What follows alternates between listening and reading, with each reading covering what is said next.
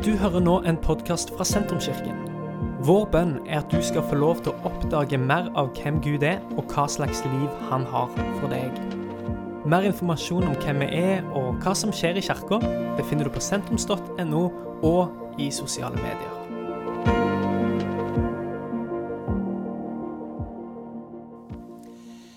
Kjære alle sammen.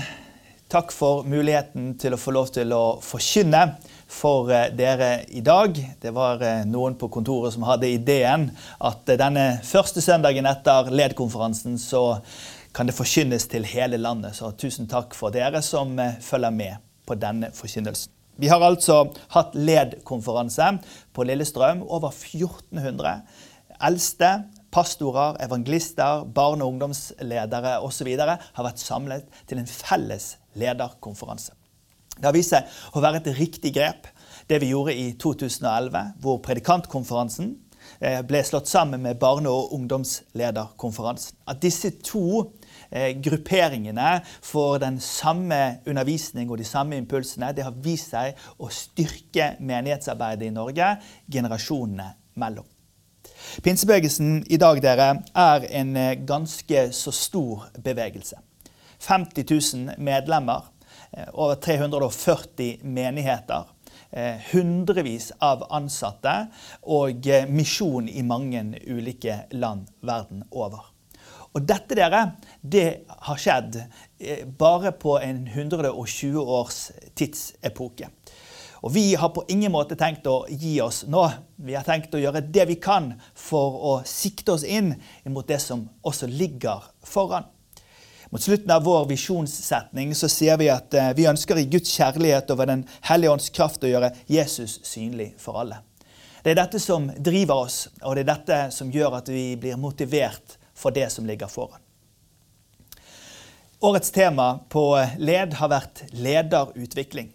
For det er en kjensgjerning at uh, mye stopper opp om vi ikke har ledere som kan betjene menighetene, og reise ut i misjonen, ta vare på ungdomsflokkene og barneflokkene. Vi trenger mer ledere. Og Det er et felles oppdrag som vi har, og det skal jeg bruke tiden min i dag til å snakke om. Samhandlingen mellom ledere og menighet for å se at Guds rike går fram. Men først litt om pinsebevegelsen. Nå hadde vi altså led med 14 hundrede ledere samlet. Men når vi ser på tallet eh, av menigheter som sendte sine ledere dit, så er det ikke fulle 340 menigheter som er representert på led. Det er Rundt 200 av menighetene våre er ikke helt i berøring med disse impulsene. og Det kan være mange årsaker til det. Vi i pinsebevegelsen hadde jo vår storhetstid og veksttid da når bedehusbevegelsen også sto sterkt i Norge.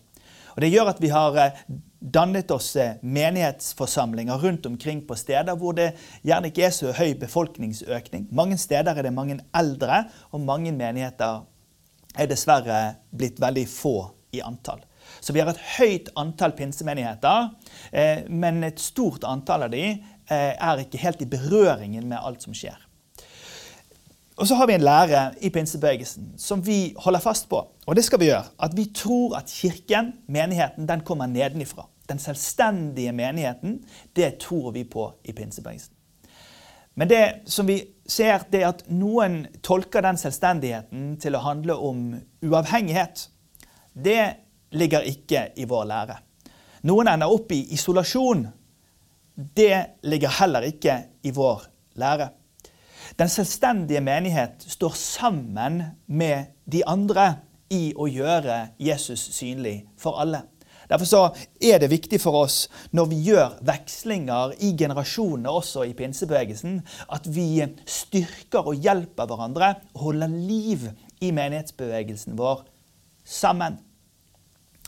Emanuel Minos fortalte en gang en historie om at eh, han og fire andre brødre de var samlet rundt eh, Levi Petrus mot slutten av Levi Petrus sitt liv. Den store pinsehøvdingen i Sverige. Og De spurte eh, Levi Petrus eh, er det mulig å holde mønsteret av de frie, selvstendige menighetene i live etter en fire-fem generasjoner i pinsebevegelsen. Og Da svarte Petrus menneskelig sett er det umulig. Etter en fire-fem generasjoner vil kulturen stivne. Men sier Levi Petrus, hvis Den hellige ånd får råde, og eh, fornyelsen skjer iblant oss, og Guds ord er avgjørende fortsatt, ja, da kan det hende at strukturen kan beholdes til Jesus kommer tilbake. Det er tre ting Petrus løfter fram, og som jeg også vil løfte fram til dere. Om Den hellige ånd får råde. Om eh, vi lar oss fornye. Og om Skriften er den trygge grunn som vi setter vår lit til. Da er det mulig å holde liv i vår bevegelse.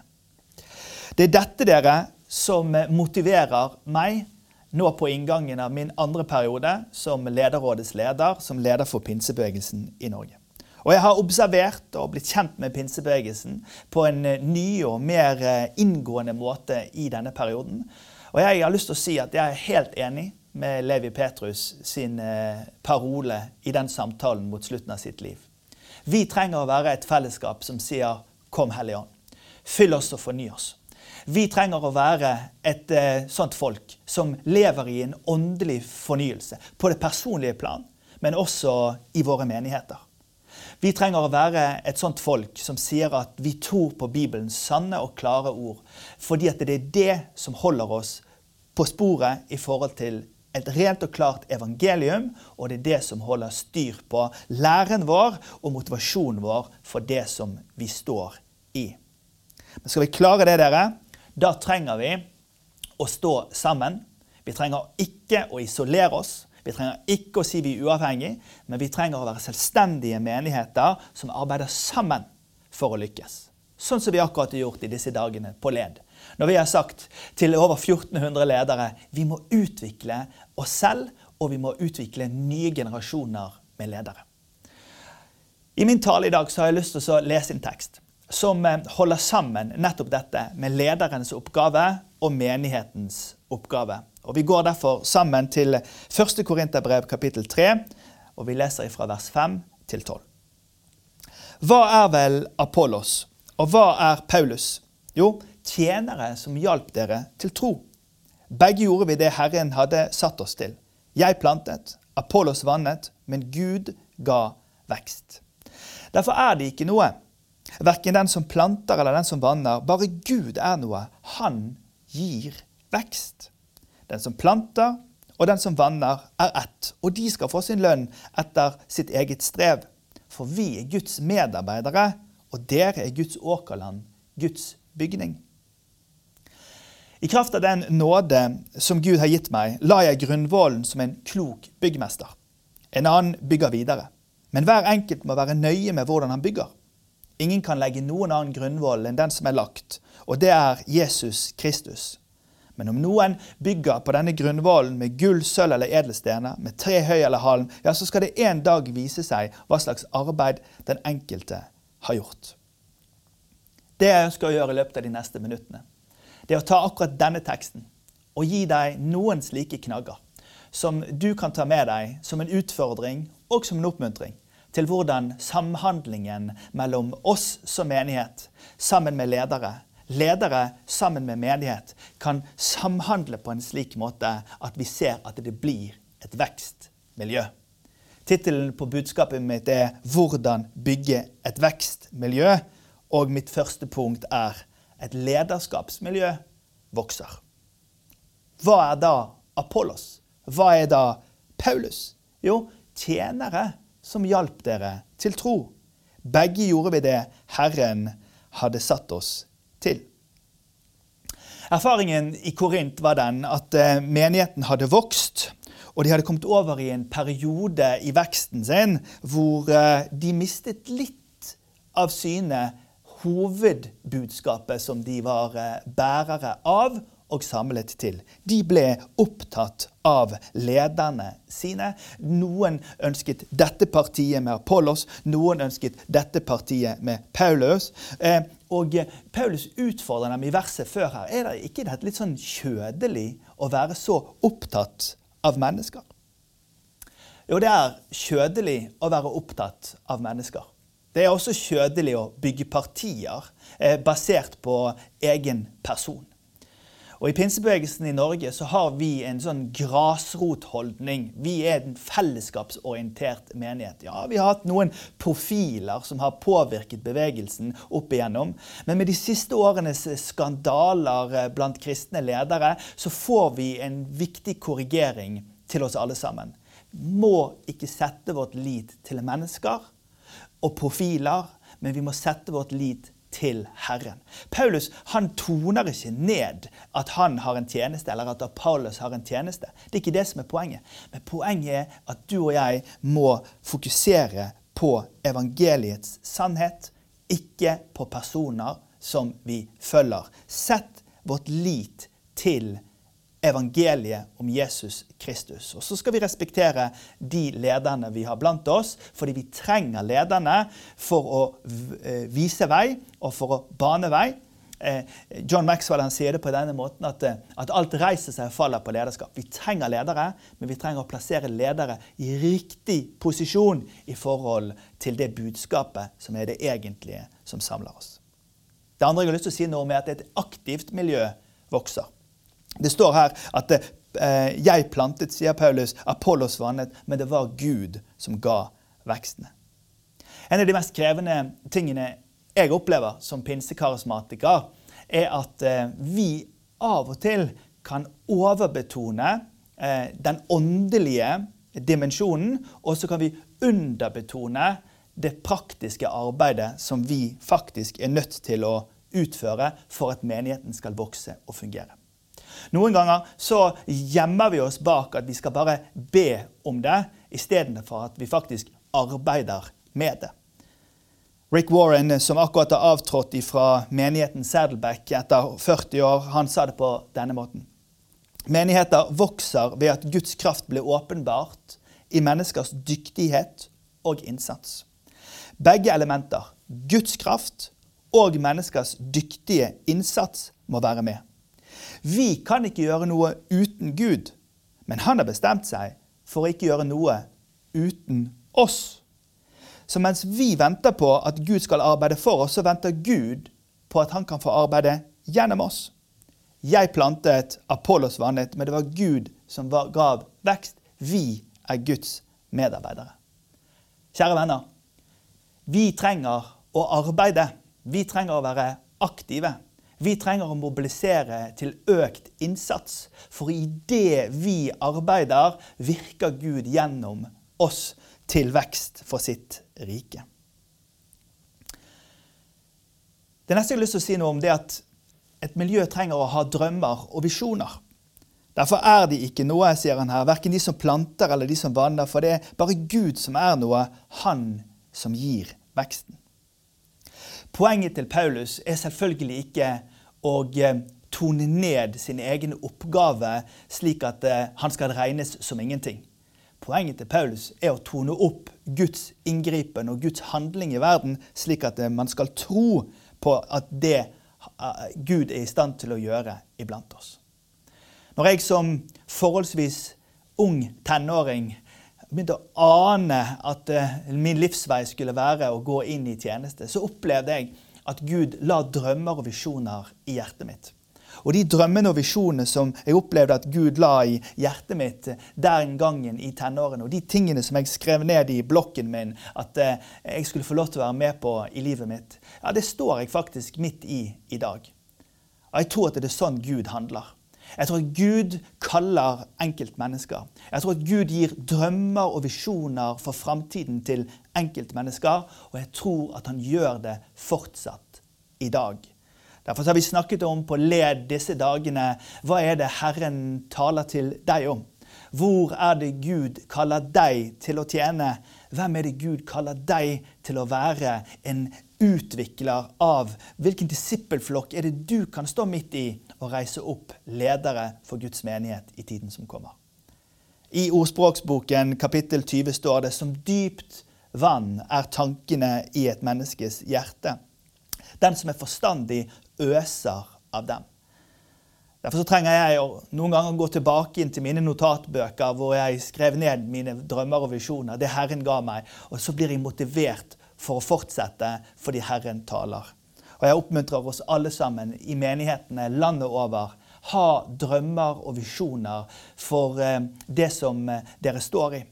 Tør å drømme de høye, voldsomme drømmene som kan virke umulige. Men det er disse drømmene som Gud ofte legger ned i oss, som blir motivasjonen for det som ligger foran. For det fjerde har jeg lyst til å si noe om at et eh, vekstmiljø som er oppmuntrende, det vokser. Den som planter, og den som vanner, er ett. Og de skal få eh, hver sin lønn etter sitt eget arbeid. En annen oversettelse sier eh, en skal få sin lønn etter sitt strev. Det å arbeide i menighet og stå i kristent lederskap er en eh, stor eh, utfordring.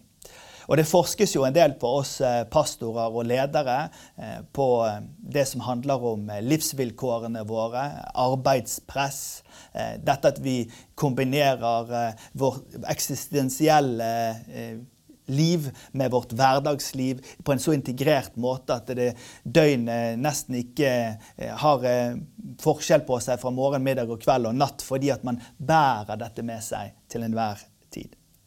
Og kjære venner, pastoren trenger oppmuntring, han og hun også.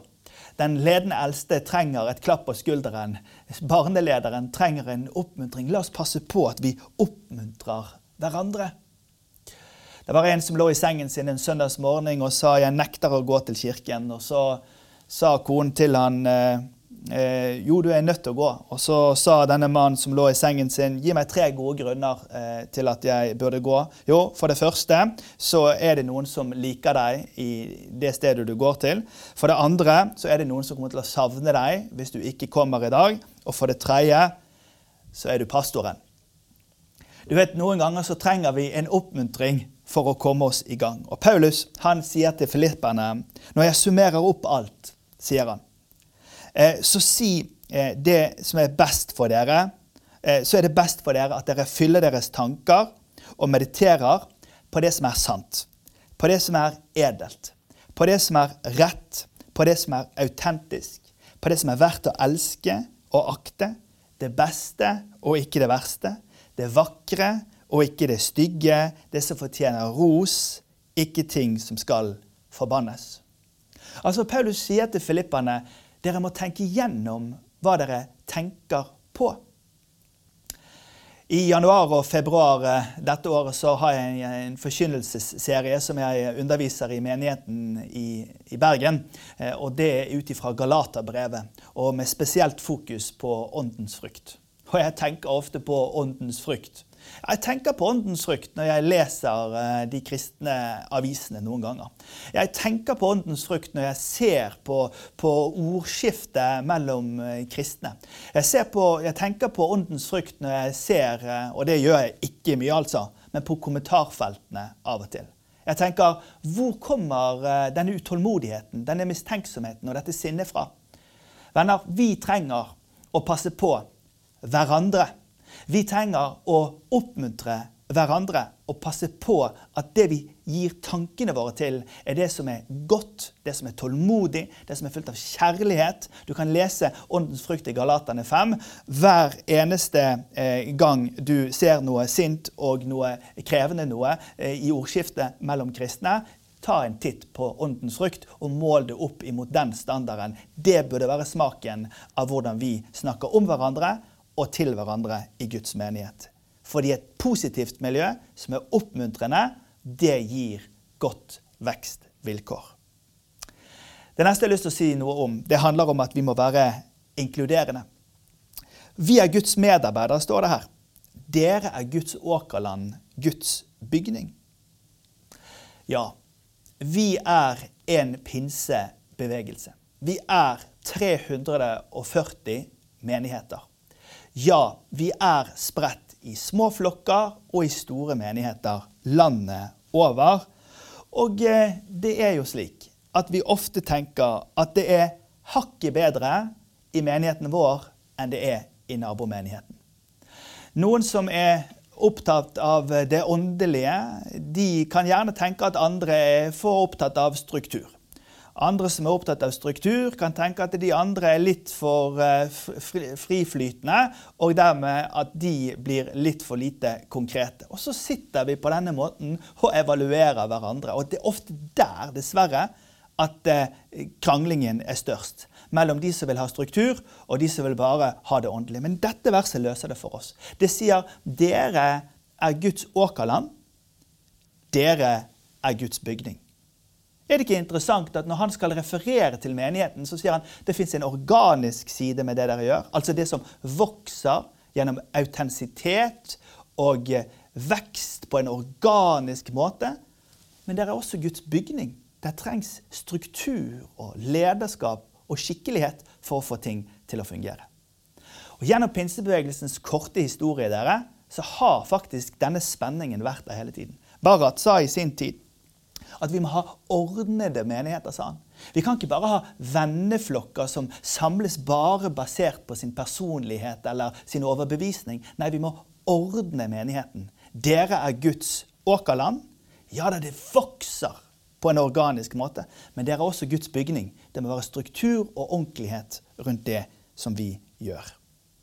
Til sist, til nest sist, et gavebasert miljø vokser.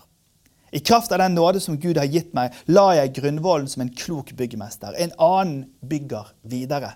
Hver enkelt må være nøye med hvordan man bygger. Vi må være nøye med hvordan vi bygger. Dette året er det 20 år siden eh, jeg og noen eh, medarbeidere grunnla menigheten Salt i Bergen. Vi begynte på en skole, og vi begynte ca. klokken ni hver eh, søndags formiddag. Da låste vi opp aulaen der, og så bar vi ut stolene. Og rundt klokken halv tre-tre på søndagen så pakket vi oss ut fra den aulaen og låste døren. Det kom en dame til meg eh, etter eh, et års tid. Hun var med i det teamet som bærte stolene. Og så sa hun til meg Vet du, sa hun, det er ingen problem at vi bærer stoler. Men det hadde vært litt enklere å bære stolene hvis vi kunne gjøre litt mer av det vi brenner for også. Den erfaringen i møte med denne kvinnen har jeg tatt med meg i disse 20 årene. Ja, vi må bære noen stoler. Vi må rydde litt opp. Vi må ordne med oppgaver så at det fungerer godt. Men når vi får kontakt med vår hjertes brann også, så gir det en ekstra motivasjon. Det er ingen problem å rydde et lokale eller bære en stol. Men hvis man får lov til å gjøre nådegaven sin også, ja, da er det enklere å holde motivasjonen oppe. Og jeg har lyst til å si det, at Vi er et pinsefolk. Vi tror på Den hellige ånds utrustning. Og I Det nye testamentet så står det tre gavelister. Det står i 1. Korinterbrev kapittel 12, Romerbrevet kapittel 12 eh, og i Efeserbrevet kapittel 4. Disse gavelistene gir oss en totalitet på rundt ja, 39-40 gaver, men det er mest sannsynlig ja, det er flere enn det også. Fordi Poenget er ikke antallet gaver vi finner i Det nye testamentet. Poenget er at Ånden er som en bølge, han er som en vind. Han kommer med en kraft til hver enkelt av oss og, og setter brann og lidenskap i det, den gaven som Gud har gitt oss. Vi tror som folkebevegelse, som pinsebevegelse, at alle skal med. Vi tror at alle skal ha en rolle, og alle skal ha en plass. Og teksten her lærer oss at eh, vi skal bare passe på at vi er nøye på hvordan vi bygger, så at det vi bygger, står seg. Og til sist Unnskyld, nest sist. Et Jesus-sentrert eh, miljø vokser. For ingen kan legge noen annen grunnvoll enn den som er lagt, og det er Jesus Kristus. Jeg spurte min gamle far når jeg var ungdom. Så sa jeg til han, hvorfor, hvorfor er vi pinsevenner? Og eh, hvorfor eh, eh, er vi så annerledes fra de andre kristne i Norge? Og En av hans eh, forklaringer det var at vi er jo litt mer opptatt av Jesus kanskje enn veldig mange andre. Så nå når jeg har fått lov til å besøke så mange av pinsemenighetene rundt omkring, så ser jeg jo jeg at det, det er sant. Enten står det på veggen, eller så står det på talerstolen. Jesus. Og Når du hører på en pinsevenn som ber, så hører du at de ber i Jesu navn og ber til Jesus, fordi vi er opptatt av Jesus. I, eh, enkelte gamle kirker så var det slik at eh, talerstolen var stor, og den var massivt tre. Og så sto det en sånn liten lapp oppe i, på prekestolen. En hilsen til presten 'Vi ser Jesus'.